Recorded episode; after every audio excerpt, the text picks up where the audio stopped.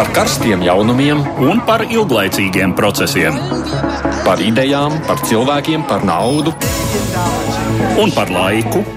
Par abām mūsu planētas puslodēm, un lietojot abas smadzeņu puslodes. Ēterā raidījums divas puslodes. Aizsmeļamies, sveicinu jūs studijā. Kolēģis Edvards Liniņš ir devies darbīgā atvaļinājumā, tādēļ šoreiz no raidījuma vadītājiem studijā būšu viens. No divas puslodes nozīmē to, ka turam roku uz pasaules politikas pulsu un plašāk šoreiz runāsim par šādiem tematiem. Vispirms pievērsīsimies notikumiem tuvākajos kaimiņos, Lietuvā. Tur jau šajā nedēļas nogalē būs prezidenta vēlēšana, nu visticamāk, pirmā kārta politiskās kaislības tur sit augstu vilni un ir intriga, kuriem tad diviem kandidātiem izdosies iekļūt otrajā kārtā. Krietni tālāk, Turcijā vēlēšanu nu, komisija, tā mūsu izpratnē, teiksim, tā anulējusi ir Stambulas vēra vēlēšana rezultāts ar nelielu balsu pārsvaru nesen notikušajās vēlēšanās. Tur šajā lielajā pilsētā uzvarēja opozīcijas pārstāvis, bet nu, prezidents Erdogans pieprasīja vēlēšanu rezultātus atcelt un komisijas piedienam piekāpusies. Tikmēr Eiropā šodien svin Eiropas dienu. Pirms 69 gadiem toreizējais Francijas ārlietu ministrs Roberts Šumans nāca klajā ar savu vīziju, kā apvienot kontroli pār vairāku valstu ogļu un tērauda industriju. Šī vīzija tad arī kļuva par pamatu Eiropas Savienības projektam. Tie klausītāji, kas lieto Twitteri, vēl ir lūgti tuvākajās minūtēs atbildēt uz jautājumu, vai jūsuprāt miers un nu, vienotība Eiropā ir kā īpaši jāatzīmē.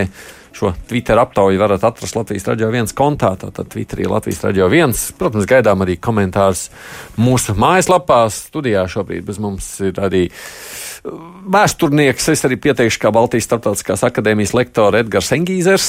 Sveicināti! Un arī Eiropas kustības Latvijā prezidents Andris Goviņš. Labdien! Labdien! Bet nu sākam raidījumu kā parasti ar dažām ziņām īsumā.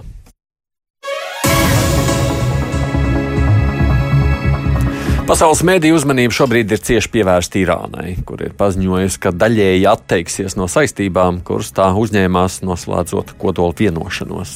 Tas ir noticis tāpēc, ka ASV atjaunoja sankciju režīmu pret Irānu un paziņoja, ka ieviesīs sankcijas pret jebkuru, kas sadarbojas ar Irānu, šī iemesla dēļ uzņēmumu nolēma pārtraukt šo sadarbību, lai nenokļūtu ASV melnajā sarakstā. Aktuāls, protams, jautājums, ko tagad darīs Eiropas Savienības valsts, Krievija, Ķīna. Eiropas valsts jau ir paudušas satraukumu un arī vilšanos par Irānas lēmumu. Ķīna, Krievija notikušajā vaino ASV. Tikmēr pieauga arī militārā spriedze. ASV ir apsūdzējusi Irānu, ka tā plānojusi uzbrukt un nosūtījusi aviācijas bāzes kuģa triecienu grupu un bumbvedēju vienību uz tuvajiem austrumiem, lai dotu, kā teikt, skaidru un nekļūdīgu vēsti Irānai.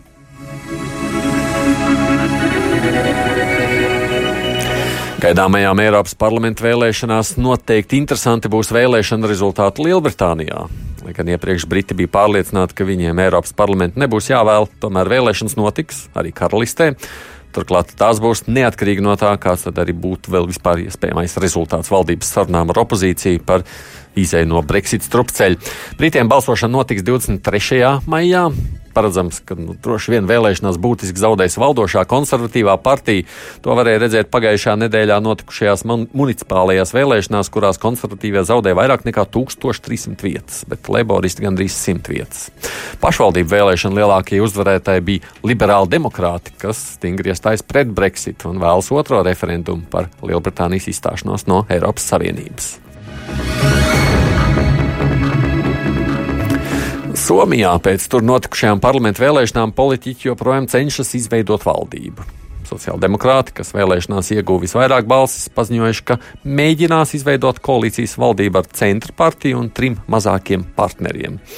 Jāpiebilst, ka jau pirms gandrīz mēneša notikušajās vēlēšanās neviena partija neizcīnīja vairāk nekā 20% balsu. Sociāldemokrāti saņēma 17,7% vēlētāju atbalstu Nacionālistiskā Somā partija ieguva 17,5%, konservatīvajai Nacionālajai koalīcijai izdevās izcīnīt 17% balsu. Nu, savukārt līdzinājā premjerministra Jukas Sipeles vadītā centra partija ieguva nepilnus 14%. Tā kā sociāldemokrātiem ir nu, tā nosacīta lielākā frakcija parlamentā, tad arī viņiem pirmajiem ir uzticēta iespēja izveidot valdību. Ja partijām izdotos vienoties, tad tās nosvērtu Somiju krietni uz kreiso pusi pēc Sīpils vadītās centriski labējās valdības, kurā ietilpa arī Nacionālā koalīcija. Pašreizējais ASV prezidents Donalds Trumps ir bijis krietni neveiksmīgāks biznesmenis nekā daudz domā. Tā ziņo laikraksts The New York Times, rakstot, ka Trumps pagājušā gadsimtā desmit gadu laikā zaudējis vairāk nekā miljārdu dolāru. Pamatojoties uz oficiāliem ASV ieņēmumu dienas datiem, laikraksts otrdien atzīst, ka Trumpa uzņēmuma stāvoklis bijis daudz drūmāks nekā iepriekš uzskatīts. Laikraksts vēst, ka laikā no 1985.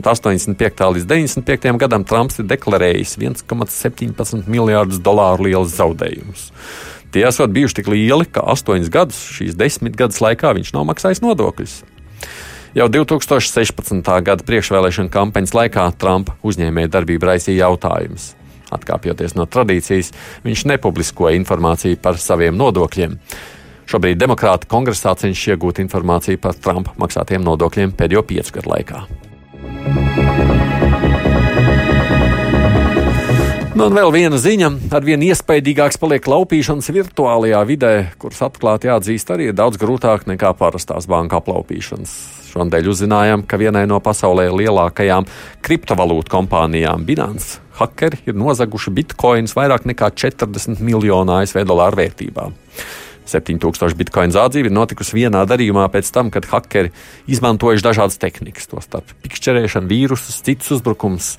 Hakeriem pietika pacietības gaidīt un vispiemērotākajā brīdī izpildīt labi vadītas darbības no vairākiem šķietam neatkarīgiem kontiem. Tā ir atzīmes uzņēmuma vadītājs. Jāpiebilst, ka pērn hakeri visā pasaulē nozaga kriptovalūtas apmēram 850 miljonu eiro vērtībā. To rāda ASV apkopotie dati. Bet nu pievēršamies tagad sākumā minētiem tematiem, un mēs sākam ar aktuālo mūsu kaimiņos Lietuvā. Ekonomiskā izaugsme ir galvenais jautājums Svētdien Lietuvā gaidāmo prezidenta vēlēšanu pirmajā kārtā. Par prezidenta krēslu cīnās deviņi kandidāti - sociāldemokrāts, Eiropas Savienības veselības un pārtiks drošības komisārs, bijušais veselības ministrs Vītenis Adrukaitis, filozofs un viens no Lietuvas tautas atmodas kustības sajūtas dibinātājiem Arvīts Juzaitis, Eiropas parlamenta deputāts Valentīns Muzaronis, Lietuvas poļu vēlēšana akcijas Kristīgo ģimeņu savienības vadītājs Valdemārs Tomaševskis, Seima deputāti Mindaugs Puidoks un Naglis Puteķis. Tiesa Puteķis vakar izteicies par iespēju izstāties no cīņas. Tāpat cīnās premjerministrs Sauļus Skvernelis, Seima deputāte, bijusī finanšu ministre Ingrīta Šimonīte un ekonomists Gitans Nausēda. Pēdējie trīs nav sēda, Šimonīte un Skvernelis ir populārākie kandidāti. Lai uzvaras lauras plūktu jau pirmajā kārtā, vēlēšanās ir jāpiedalās vismaz pusē balstiesīgo, no kuriem vismaz pusē jāatbalsta viens kandidāts. Vai, ja piedalās mazāk nekā puse balstiesīgo, tad uzvar tas kandidāts, kas saņem ne mazāk kā trešdaļu balsu.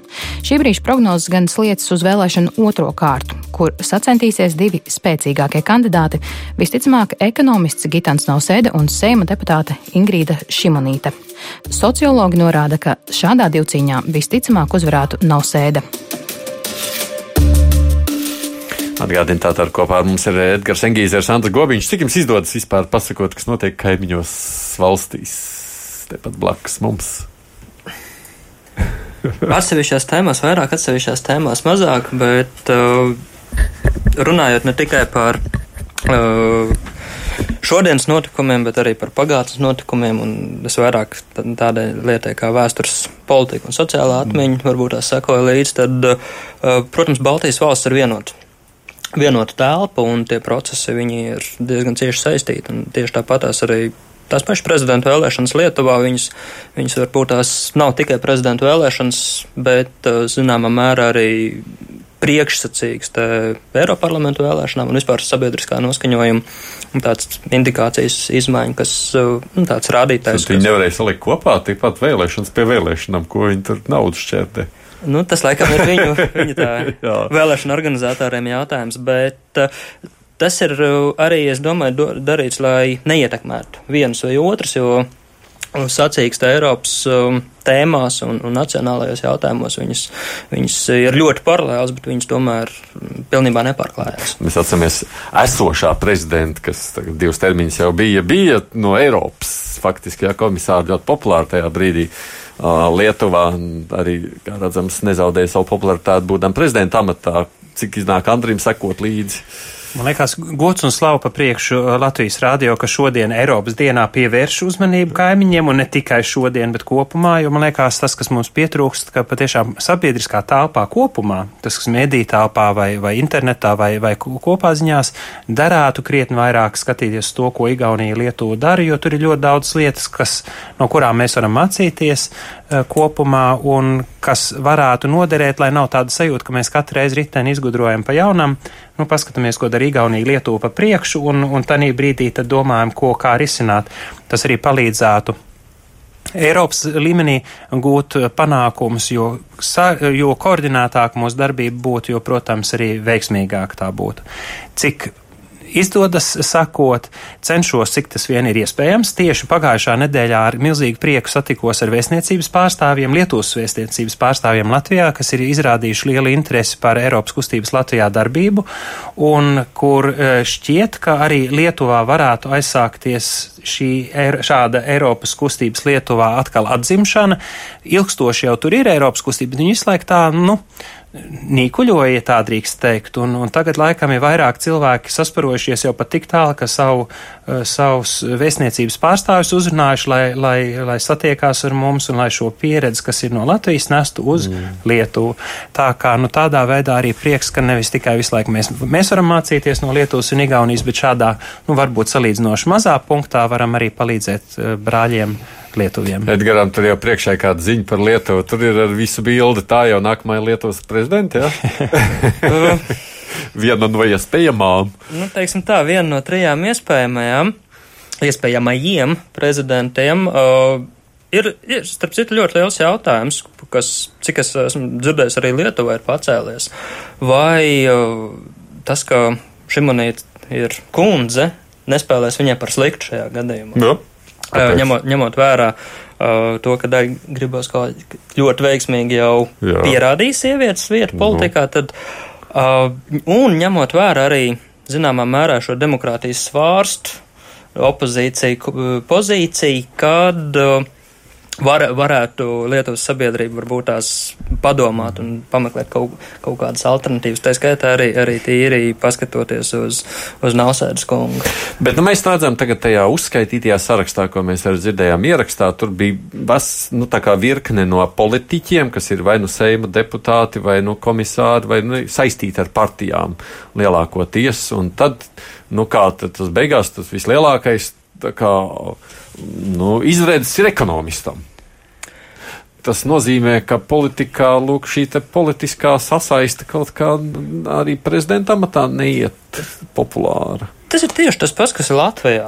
Uh, tajā brīdī, kad mēs runājam par prezidentu, kurš pēc būtības ir pol ļoti politiska figūra, bet uh, pāri partijām stāvošs. Un, un arī Lietuvā uh, prezidentam, kā galvenajam valsts vīram vai valsts sievai, tā skaitā arī ar daudz plašākām pilnvarām nekā Latvijā, viņam ir jāspēj konsolidēt visas partijas un tieši šī partijas kā piedarība.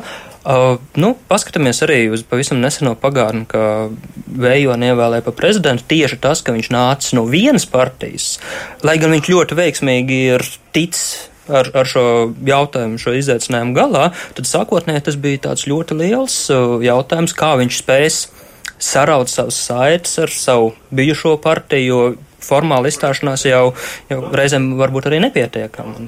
Un, un tieši tas pats ir arī Lietuvā, ka uh, no vienas puses uh, Šimonīte ir opozīcijas pārstāva. Un var redzēt, ka daudzos gadījumos šis demokrātijas svārs, ka uh, katras nākamās vēlēšanas ir instruments, kā sodīt pie varas esošos, var nostrādāt viņai par labu, bet uh, nu, viņai ir jāpārliecina citu partiju pārstāvi, tā skaitā partiju, no kurām nāk viņas tiešie konkurenti, lai viņi atbalstītu, ja ne pirmajā, tad otrajā vēlēšana kārtā. Tā, kas, zināmā mērā, tas, tas ir diezgan liels izaicinājums. Es piekritīšu Edgaram pie tā, ka psiholoģiski tas varbūt ir drusku, dru, drusku grūti atkārtot pēc ļoti spēcīgas personības, kāda ir Gribauskaita vēlreiz startēt uh, sievietei, kuru visu laiku salīdzinās ar gribauskaitu, tur varbūt vīrietim tīri psiholoģiski varētu būt maķenīti vieglāk. Es gan neticu, ka tas būs nu, izšķirošā mērā, un ka daudz, daudz citi parametri būs, būs svarīgāki, un ko varbūt mēs varam šī gadījumā saredzēt. Skatāmies, kas ir Igaunijā prezidente, cilvēks, kas vadīja, iest, respektīvi, kas nebija partija cilvēks, kas vadīja, ja es pareizi atminos, Eiropas līmeņa iestādi, vai nu ļoti daudz arī Eiropas jautājumos strādājam. Tikko bija, strādāja, tikko bija centrāla um, Eiropas vienā valstī arī vēlēšanas, kur arī ievēlēja juristi par, par, par prezidentu. Skatāmies uz mūsu pašu Latvijas vēlēšanām. Nu, ļoti jācer, ka, ka saimā šis vairākums noturēsies un vēl pieaugs Egilām Levitam, kas arī nav ar konkrētu partiju saistīts, bet ir tā tad atpazīts, ļoti cienīts cilvēks. Varbūt tas ir sava veida tāds, nu, politiskās šīs. Šī, šī, šī, šīs desmitgades tāda kā tendence pat, ka cilvēkiem klasiskās elites, ja tā viņas drīkst nosaukt, politiskās elites gribas druscītiņ pašķaidīt, bišķītiņ, nu, ar, ar citiem domājošiem cilvēkiem, kas, kas tā tad pēc kvalifikācijas nebūtu nav mazāk kvalificēti, varbūt pat, mm, pat vairāk kvalificēti, bet kas it kā ir savā ziņā, nu, nevis politiski, kas tieši aktīvisti bijuši, bet ir lielā mērā veidojuši sabiedrisko domu, eh, ietekmējuši valsts pašapziņu eh, pozitīvā ziņā un, un ir spējuši konsolidēt arī, nu, kā arī Edgars saka, sabiedrību, ka varbūt tā ir tāda drusku tendence sabiedrībā kopumā druscītiņ no šiem politiskiem spēku kandidātiem pie, tos piebremzēt un, un atbalstīt un, uh, citus, un arī politiskās partijas spēki, kas virza gan Latvijā, gan citās valstīs šo cenšas, protams, iztaustīt un no tā tam arī nu, savā ziņā pielāgoties. Nu, ir labi, ka mūsu kaimiņos ir arī cilvēki, kas Lietuvā tomēr saprot latviešu valodu, un līdz ar to mēs varam arī kādus sazvanīt, jo cilvēki, uh, nu, ne visās valstīs mums tas izdodas. Mums dzird šobrīd filoloģija aiste Brusokaite, vai ne? Halo! Jā, sveiki! Labdien! Sakiet, Kā jūs raksturot, kāda ir tā atmosfēra pirms šobrīd vēlēšanām Lietuvā? Es teiktu, ka atmosfēra ir tāda, kā jau parasti varētu būt pirms vēlēšanām. Ir jūtams satraukums, ir jūtams mazliet sašaubījusi sabiedrība. Uh, tikai tāda interesanta ziņa, jo mums ir deviņi kandidāti, un vairāk tā sabiedrība ir sašaubījusi tie trīs populārākie un seši ir mazāk populāri. Tā, tie, kuri ir par tiem populārākiem, jūtas kā tādi drošāki par saviem kandidātiem, bet tie pārējie seši vēlētāji, potenciāli vēlētāji, visu laiku sūdzas, ka par viņu kandidātiem par maz runā un tā tālāk. Un vēl man liekas, ka pie mums to visu, uh, e, tas visas emocijas vēl mazliet tāds.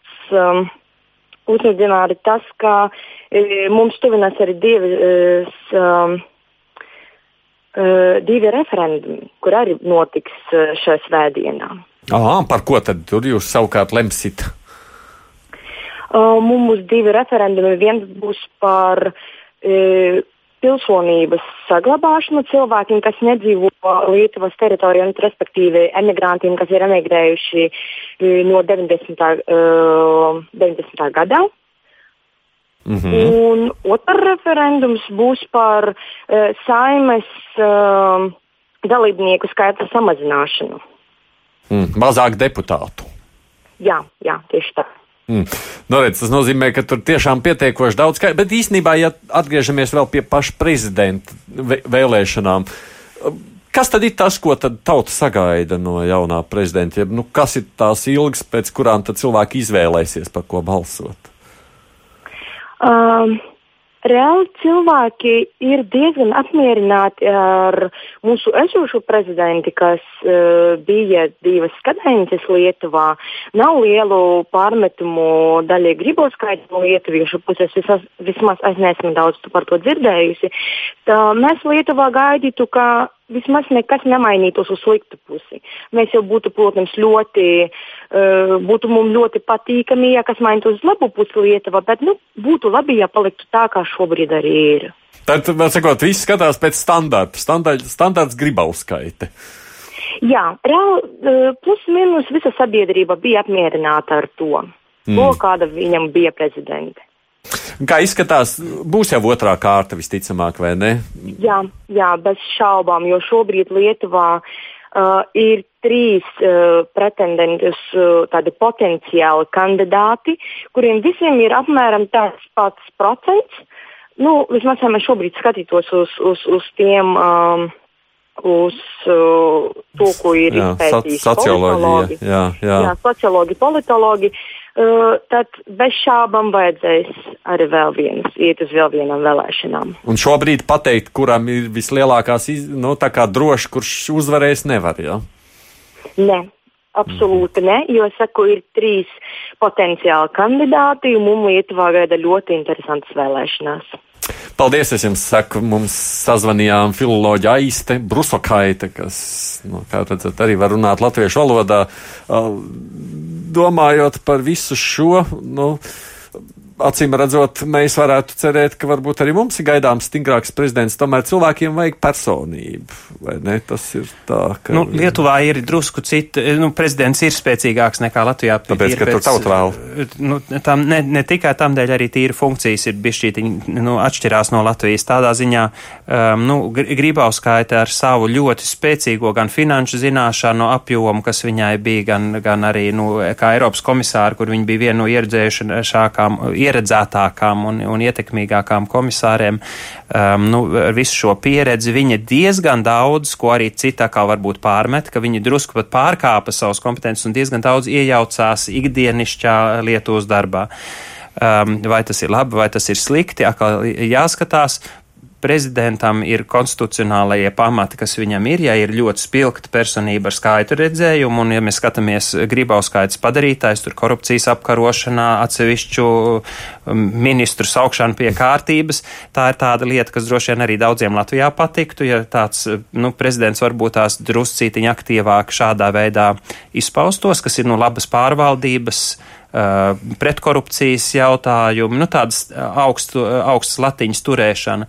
Tas, man liekas, arī ir pavisam reāli. Arī, nu, mums arī pašiem Latvijā jau tādi prezidenti ir bijuši. Tā jau nav, ka, ka, mm. ka mēs tikai esam dzīvojuši ar pēdējiem trim, bet, oh, jā, atvainojiet, bet, nu, ceram uz, uz spēcīgu prezidenta nākotnē un, un ka, kas arī varbūt tās nu, līdzīgi savu autoritāti, savu zināšanas eh, ienesīs Latvijas politikā, lai palīdzētu ātrāk Latviju patiešām padarīt par Eiropas vienu no līderiem, nevis nu, eh, pakaiskrējēju. Par Latviju mēs vēl runāsim, pabeidzot šos jautājumu, kas būtu tas, ko ir vērts vēl pieminēt, runājot par Lietuvas? Um, par Lietuvu, man liekas, ir principā divas lietas. Viena vairāk sasaucas ar Latviju, otra mazāk, bet abas divas tā kā droši vien metīs te jautājums uz, uz to sarunas daļu par Latviju, kā pārsteidzoši, bet tieši Latvijas faktors zināmā mērā nospēlēja lomu arī esošo top kandidātu reitingos, jo tajā brīdī, kad uh, Saulis Skvernels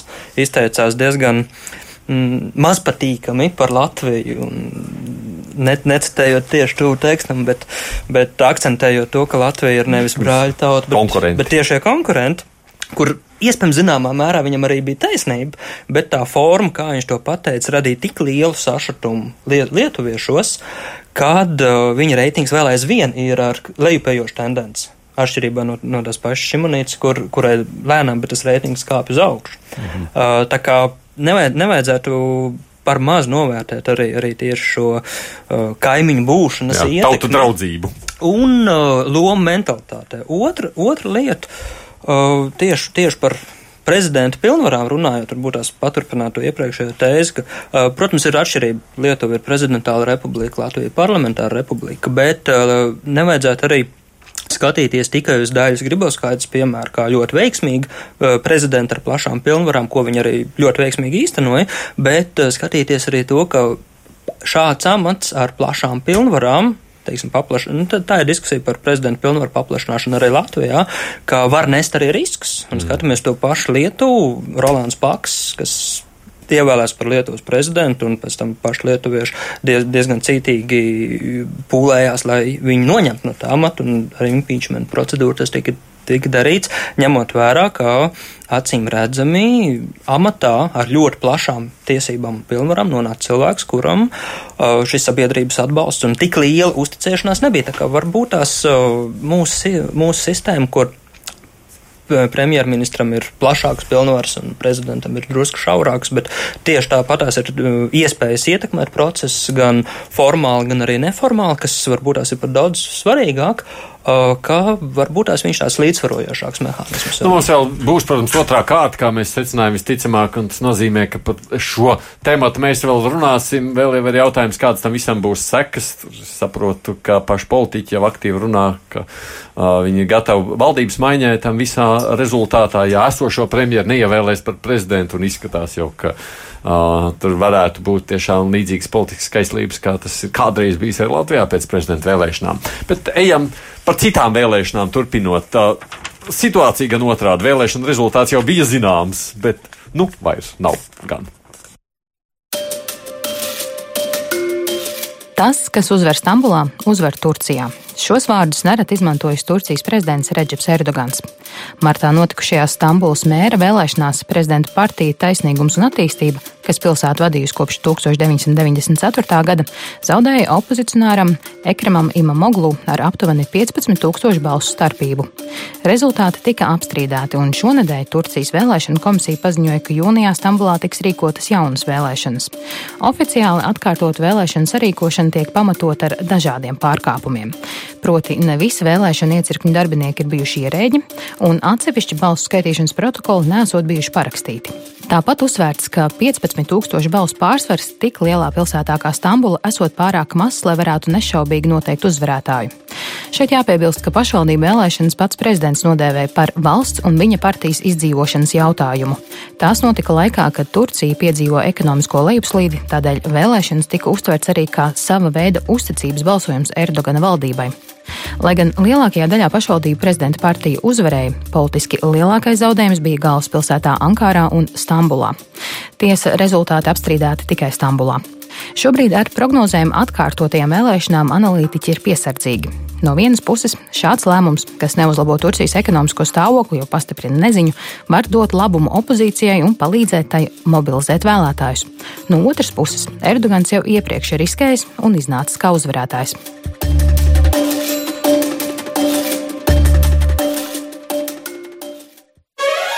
Divas puslodes. Atgādījums šeit studijā ir vēsturnieks Edgars Engīzers, Eiropas kustības Latvijā prezidents Andris Gobiņš. Pats Edgars saka, ka atceltās vēlēšanas ir demokrātijas uzvara. Ko jūs sakāt par šādu novērtējumu? Startautiski vislielākais uh, tas akcents ir tomēr tāds, ka īstenībā tas ir nu, tāds pēdējā nagliņa uh, demokrātijas zārkā uh, Turcijā. Nu, tas ir ļoti spēcīgs izteiciens. Bet pēc vis tā, kā e, Erdogans ir tīrījis, ja tā to drīkst nosaukt, tiesas e, aizvācot, ja tā arī drīkst tā kā izteikties sev netīkamus vai patiešām neatkarīgus tiesnešus, jo tiesneša pamatfunkcija ir būt neatkarīgam, bet no sev netīkamus tiesnešus, kā e, nu, no tiesām atbrīvoja, kā ceturto vāru, tā saucamo ceturto vāru žurnālistiku viņš ir Eh, citu tur eh, aizliedz, citu eh, avīzi, citus, citur atkal žurnālists attiecīgi apsūdzējis terorismā un vēl tur visādos interesantos pantos. Šīs lietas tā tad tiek vērtētas kopumā, un, un tam dēļ daudz starptautiskie vērtētāji šo sauc par pēdējo nagliņu patiešām demokrātijas zārkā. Es tam sliecos piekrist. Eh, protams, ir, ir jāvērtē ļoti rūpīgi pār, tie pārmetumi, kas, kas izskan, tos, kurus es esmu dzirdējis, tie bija salīdzinoši ātri e, e, atspēkojami. Tur, piemēram, kas tur viņam vēlēšana komisijas nebija patikušas, vai vēl tur citas Nē. lietas, kas bija viens no lielajiem argumentiem. Ierēģi nav visās Bet, e, piedalījušies. Viņa paši ieceltā vēlēšana, centrālā vēlēšana komisija tieši šādu vēlēšanu komisiju, nu, Stambulas vēlēšana komisija bija apstiprinājusi iepriekš, tātad tieši to, to sastāvu, tātad, nu, tāda divkosība. Uh, kas tomēr laikam liecina uz to, ka kārtējais ļoti, ļoti, ļoti antidemokrātiskais solis, un man ir ārkārtīgi žēl par, Turcijas tautu, kurai sanāk šos smagos laikus piedzīvot, iznest un Es patiešām ne, nevaru saprast, ar kādu gala rezultātu viss tas būs. Es ceru, ka, ja tu, tu ar to drīkst nobeigt, ka, ka Stambula. Nevajag vēl nobeigt, vēl jau viss. Stambula, kur, ne, bet no šo, šo, šo savu domu gājienu, ka Stambula, kas ir, ir pilsēta, kurā sākās eh, Erdogana uzplaukums, ka, ka šis varētu būt patiešām arī tas uh, Vieta, solīts kur vietu, ja? kuru tas noriet sākās, varbūt tam dēļ tieši Erdoganam tik ārkārtīgi svarīgi šī gadījumā, ka tiek atjaunotas vēlēšanas, un droši vien jau viņš visu kaut ko ir sadomājis, kā tur uzvarēt. Jā, noorganizēt. Cik skeptisks esi Edgars? Man gribētos to salīdzināt ar tādu Krievijas tipa demokrātiju ko no vienas puses daži sauc par demokrātiju, bet uh, no otras puses lielākā daļa nu, novērotājiem no malas tā, tā drusku pasmīna pie šī vārda savienojuma lietojuma. Un uh, var piekrist uh, Andrim, ka tas, kas notiek Turcijā pēdējā laikā, tas uh, veidina domāt uz tādu diezgan būtisku varas centralizāciju, kur uh, nevienmēr uh, sabiedrības vairākuma viedoklis tiek ņemts tieši vērā, jo, jo īstenībā, vismaz cik ir dzirdēts, protestē pret vēlēšanu rezultātiem ne tikai valdošās partijas pārstāvji un ne tikai Stambulā, bet, bet piemēram, arī, arī kurdi protestē. Bet uh, es neesmu, godīgi sakot, dzirdējis, ka uh, kurdu apdzīvotajos reģionos kāds varētu veid, veikt ārkārtas papildus vēlēšanas ar, ar šo pašu argumentāciju. Jo, skatoties uz šo argumentāciju, kas publiski tiek pausta, Runa ir par procedūru, nevis par rezultātiem. Un šie pārkāpumi nav tik smagi, vismaz tādā, tādā mūsu pieredzes izpratnē, lai atceltu visus rezultātus, eh, ņemot vērā arī to, ka rezultāti vairākos iecirkņos Stambulā bija pārs, pārskaitīti, un, un eh, šie 13, 15 dažādos datos, godīgi sakot, šie, šie skaitļi arī atšķirās eh, tūkstoši. Nu, Būtu ļoti dīvaini teikt, ka, ja balsu pārsvars ir vairāk nekā viens, tad uh, tas ir par maz, lai šo pārsvaru fiksētu un, un atzītu par leģitīmu. Uh, tieši tāpēc arī starptautiskā sabiedrība, arī Eiropas Savienība ir ļoti paudus tādu stingru nostāju, ka atkārtotajās vēlēšanās ir, ir jābūt pietiekam plašam starptautisko novērotāju lokam, jo tas, kas notiks tagad 23. jūnijā, īstenībā ir ar tādām ļoti diviem būtiskiem faktoriem. Viens, ka šis, šis akts, šī rīcība tiešām var mobilizēt opozīciju, Un viens no variantiem ir, ka opozīcija uzvarēs ar krietni lielāku balsu pārsvaru, ņemot vērā to, ka Stambula Tieši tāpatās kā Ankara un, un dažas citas lielās pilsētas, viņas ir krietni rietumnieciskākas eh, savā iedzīvotāju noskaņojuma ziņā nekā Turcijas eh, nu, teiksim, tā, vidējais sabiedrības noskaņojums, uz kā balstās arī Erdogans un, un šī uh, klasiskās uh, stingrās līnijas, patriarchālās politikas līnijas uh, atbalstītāji. Līdz ar to viena prognoze ir, ka varētu, varētu šī opozīcija uzvarēt ar vēl lielāku balsu pārsvaru. Uh, un otrs faktors ir, uh, atsaucoties arī varbūt tās uz citām um, tādām vēlēšanām pēdiņās, kas pasaules vēsturē ir notikušas, ka ir viena tāda tēze, ka uh, nav svarīgi, kā cilvēki balso, bet ir svarīgi, kā saskaita balsis. Un šis var, varbūt tās ir viens no tādiem lielākajiem riska faktoriem, uh, no tām naglām Turcijas demokrātijā, jo Cik es, cik es esmu arī, arī skatījies kopš tā paša 1950. gada militārā puča, nav bijusi Turcijas vēsturē piemēra, kad demokrātiski ievēlēta amatpersona noliek uz bremzēm demokrātiskīs procesu šīs varas nomaiņa. Kāpēc tieši Stambula, manuprāt, ir ārkārtīgi būtiski paskatīties uz to, ka runājot tā paša Erdogana vārtiem, kas uh, uzvar Stambulā, uzvar visā Turcijā, manuprāt, tā patiesā nozīme ir diametrāli pretēja.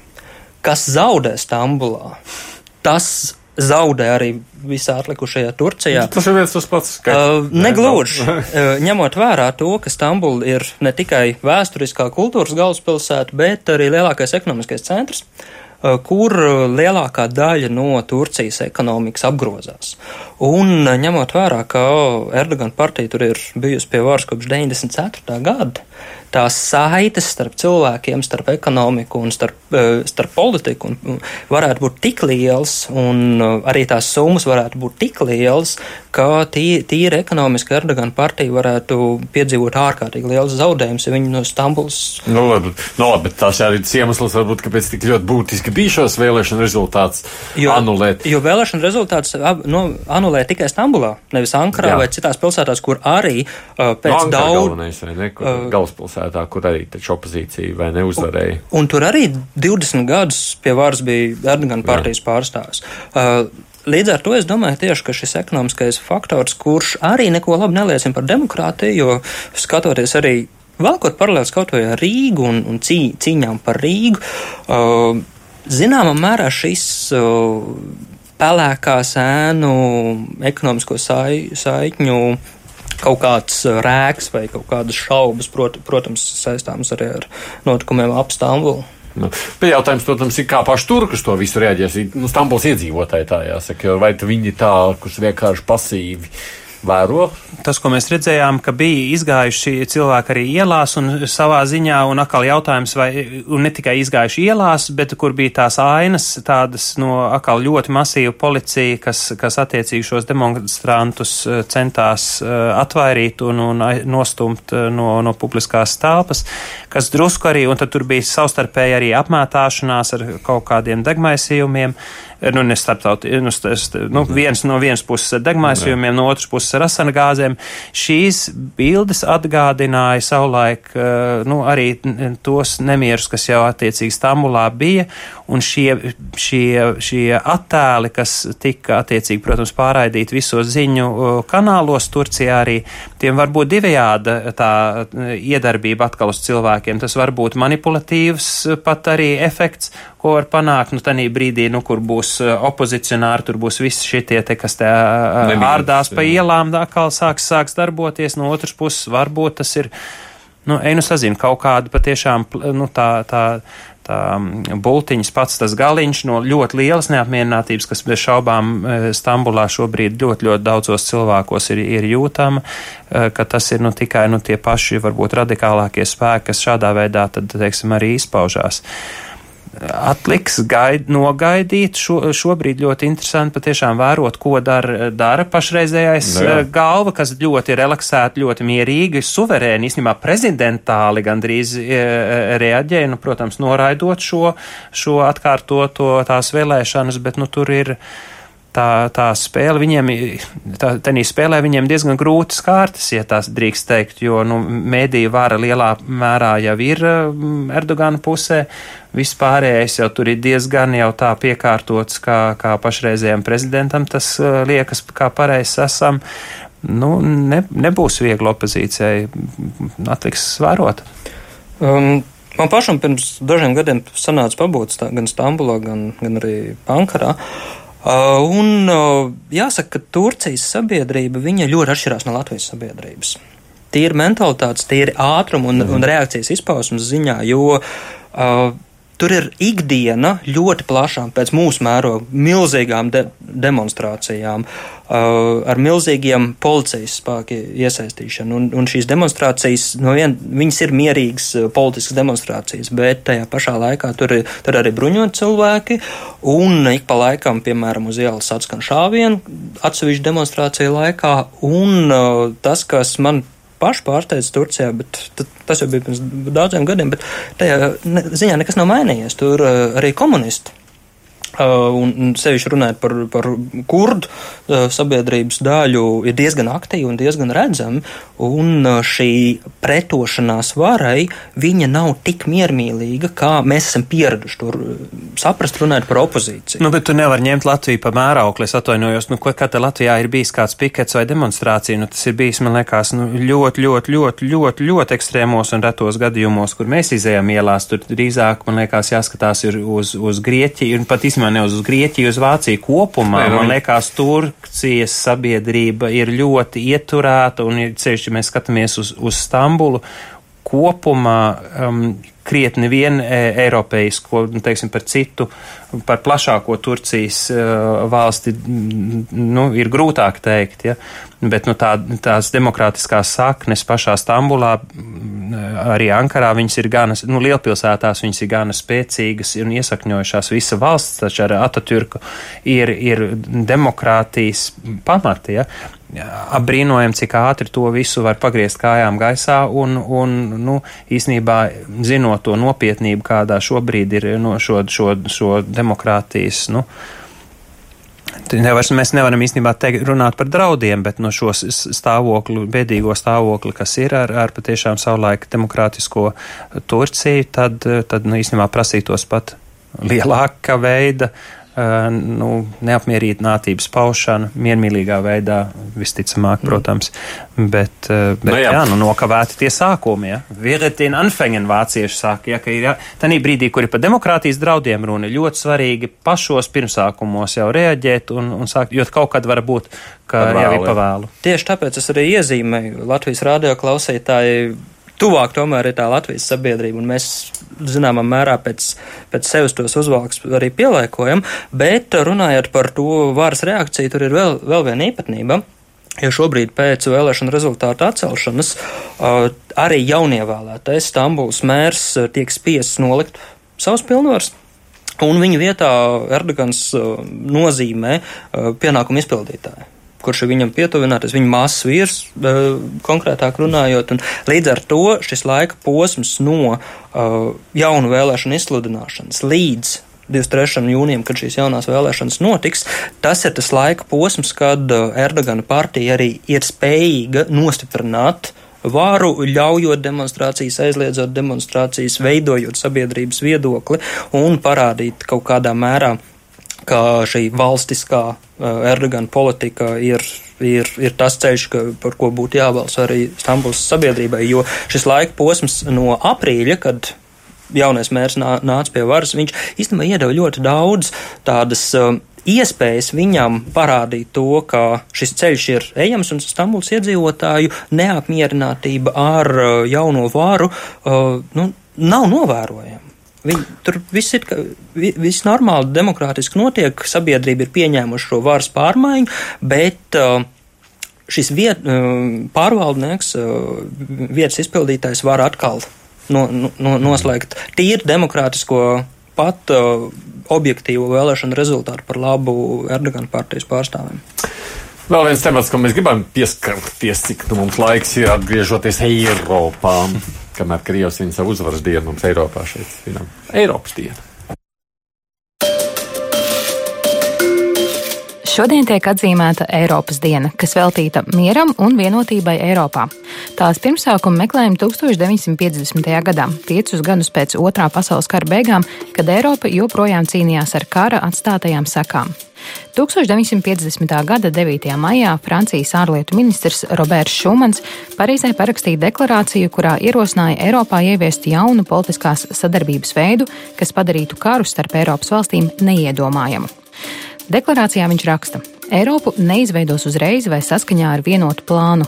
To veidos konkrēti sasniegumi, kas pirmām kārtām radīs de facto solidaritāti. Eiropas tautu apvienošanās labad ir jāizbeidz gadiem ilgušais Francijas un Vācijas pretnostatījums. Jebkuram veicamajam pasākumam ir vispirms jātiec uz šīm divām valstīm. Viņš ierosināja izveidot Eiropas ogļu un tērauda kopienu, kuras dalībnieki apvienotu savu akmeņu ogļu un tērauda ražošanu. Šādu kopienu apvienotu Vāciju un Franciju, un tai brīvi varētu pievienoties arī citas valstis. Eiropas ogļu un tērauda kopienu 1951. gadā, nepilnu gadu pēc Šūmaņa deklarācijas, dibināja Francija, Rietumvācija, Itālija, Nīderlanda, Beļģija un Luksemburga, un tā bija pirmā no pārnacionālajām Eiropas institūcijām un arī pirmais solis uz Eiropas Savienību. Par atzīmējumu dienu 9. maija kļuva 1985. gadā. Līdz tam Eiropas diena atzīmēta Eiropas padomas dibināšanas dienā 5. maijā. Pagājuši gandrīz 70 gadi daudz, vai ne? Vispār šajos 70 gados būvējot Eiropu, jūs prāt, kas tad ir bijis pareizi, kas ir bijis nepareizi, izveidojot no Eiropas tādu, kā tas ir? Jo man liekas, šis ir jautājums, ko vienmēr visi sev uzdod. Sāks tu sāc? Jā, nu, desmit minūtes. jā, nē, jā, mazāk par desmit, tā kā katrs, nē, nu tā, koncentrēti. Um, uh, Tad varbūt tu sāc. Tad es, te, es sākšu ar, ar to, Eiropa līdzīgi kā Rīga nekad nebūs gatava. Un jācer, ka visu laiku arī attīstīsies, kā bija Rāņa. Tā tad sag, pa, sag, pastāvēs, kas mainīsies. Pastāvēs, kas mainīsies. Arī šie divi, man liekas, teikumi ir, ir jāatcerās, ja mēs skatāmies uz Eiropu. Eiropas lielais virzītājs spēks ir bijušas dažādas krīzes. Un īstenībā katra krīze savā ziņā, nu tagad pēdējais bija lielā finanšu krīze, kur arī mēs Latvijā nu patiešām piedzīvojām tik spēcīgi kā rati kura cita Eiropas Savienības dalība valsts, jo arī mēs pirms tam bijām gana pāri saviem tēriņiem tērējušies ar visiem kredītiem un visām pārējām lietām. Tamdēļ arī Latvijā viņi, protams, bija spēcīgāk. Bet e, līdz šim visas šīs krīzes ir bijušas e, nu, attīstības dzinulis. Jācer, ka šodien lieliem Eiropas valsts vīriem, kas tie, kas Sibiju mazā mazā pilsētiņā Rumānijā, lemjot par Eiropas nākotni, iz, iz, izdosies tās kļūdas, kas, vai tos trūkumus, kas ir bijuši līdzšinējā politikā, tos novērst un iet arī vēl nākamo skoli, soli, ieskicēt gana skaidru to redzējumu, kāda nākotne uh, Eiropas kopējai mājai mēs vēlamies būvēt. Vai tas izdosies vai ne, neizdosies, redzēsim, jo drusku šī, šis Lielbritānijas rēks, diemžēl, viņš ir jau izjaucis pēdējās trīs lielās galotņu sanāksmes, kur arī jau gribējās tā kā it kā ieskicēt tos, tos nu tā, iemest tos pirmos aizdīglīšus tai, tai nākotnes Eiropai, bet vienmēr sanāk atkal nodarboties mm. ar Brexit, Brexit, Brexit. Un tagad, ja mēs skatāmies uz, uz Eiropas uh, vēlēšanām lielām, kas notiek 25. maijā Latvijā, ja Briti savēlē savus ārkārtīgi eiroskeptiskos deputātus, nu, Tas jau var ietekmēt jau visas pat nevis tikai Lielbritānijas nākotni, bet jau pat visas kopējās Eiropas nākotni. Labi, ak šie Briti, bet kamēr Briti vēl pāris nedēļas neko parlamentā neietekmē. Par, par Britiem runājot, es domāju, ka jautājums ir arī par mūsu vēsturisko atmiņu. Jo Eiropas Savienība un tas, kas bija pirms Eiropas Savienības, pirms 92. gada, uh, lielā mērā ir saistīts ar laiku posmu, kad Britānija nebija Eiropas sastāvā šo, šo mm -hmm. integrēto institūciju locekle. Līdz ar to es pavisam noteikti negribētu teikt, ka ar, ar Lielbritānijas izstāšanos sagrūst tas, kas ir būvēts 69 gadu garumā. Otrs, runājot par šiem izaicinājumiem, jā, var piekrist, ka krīzes ir bijušas tas, kas pavirza Eiropas integrāciju vienā vai otrā virzienā. Un šeit, manuprāt, ir ļoti svarīgi saprast arī to Eiropas dienas un Eiropas integrācijas vēstures lomu uh, saistībā arī ar Latvijas sabiedrību, kāpēc uh, cilvēki tik uh, ilgu laiku salīdzinoši maz interesējās par uh, šiem notikumiem, kas attīstījās dzelzs priekškaru otrā pusē. Viss in Eiropas integrācija līdz 91. un 92. gadam tas ir tas, kas mūs tieši it kā neskar, bet tajā pašā laikā Es teiktu, ka tieši arī notikumi Baltijā, notikumi dzelzs priekškars šajā, šajā pusē ļoti tieši ietekmē to, kā Eiropas Savienība veidojās un e, pastiprinoties padomus Savienības ekspansionistiskajām tieksmēm, agresijai, ārpolitikā, tad arī Eiropas valsts sāk rosīties straujāk un, un padziļināt šo integrāciju, saprotot, ka uh, cieša sadarbība Tieši tāpatās kā Šumana deklarācijā.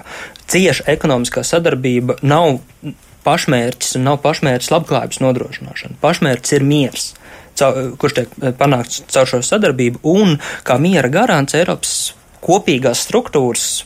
Sauksim to par Eiropas Savienību, saprotamāk, varbūt tās viņas ir bijušas ārkārtīgi sekmīgas, jo mm. savā starpā šīs valsts karojušas nav, un līdz ar to arī eh, es teiktu, ka viena lieta, kas ir eh, jāmaina, ko, kas ir izaicinājums kopš 2004. gada, ka dzelzs priekškars tiek uz, eh, ne, eh, nevar tikt uztverts kā Eiropas robeža, kāds tas bija uh, lielāko daļu no Eiropas integrācijas vēstures abās pusēs, bet ir šie procesi, kad dzelzs priekškars ir arī vienojis Eiropu, un tagad mēs redzam, ka pēc lielajām paplašināšanās, un faktiski pēc šīm 2004. gada lielās paplašināšanās un, un turpmāk uh, jaunas valsts ienāk, un liels jautājums ir par kopīgās identitātes uh, veidošanu.